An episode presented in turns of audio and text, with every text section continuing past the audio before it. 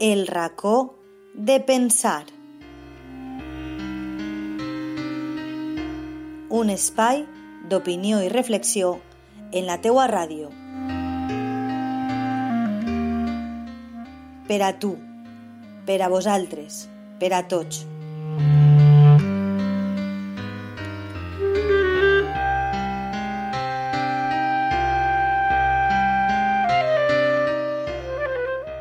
Buenos días, amigos de la Tegua Radio. Hoy me estreno en el rincón de pensar con una reflexión sobre releer a los clásicos. Eh, la he titulado En el confinament rellisc a Azorín. Aprovechemos estos días para leer a los clásicos o releerlos.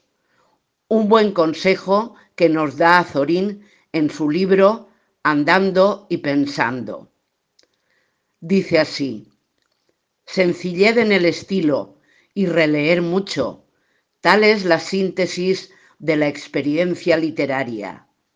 No nos neguemos a la novedad, pero por correr tras la novedad no perdamos el placer supremo de gustar matices y tonalidades en autores clásicos que antes no habíamos percibido.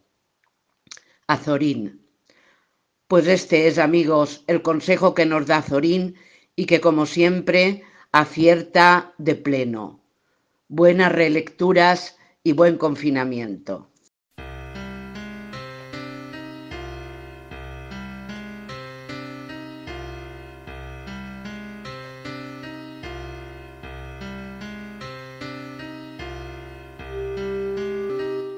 El racó de pensar.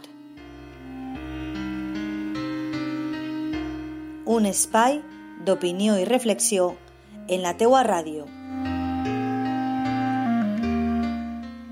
Per a tu, per a vosaltres, per a tots.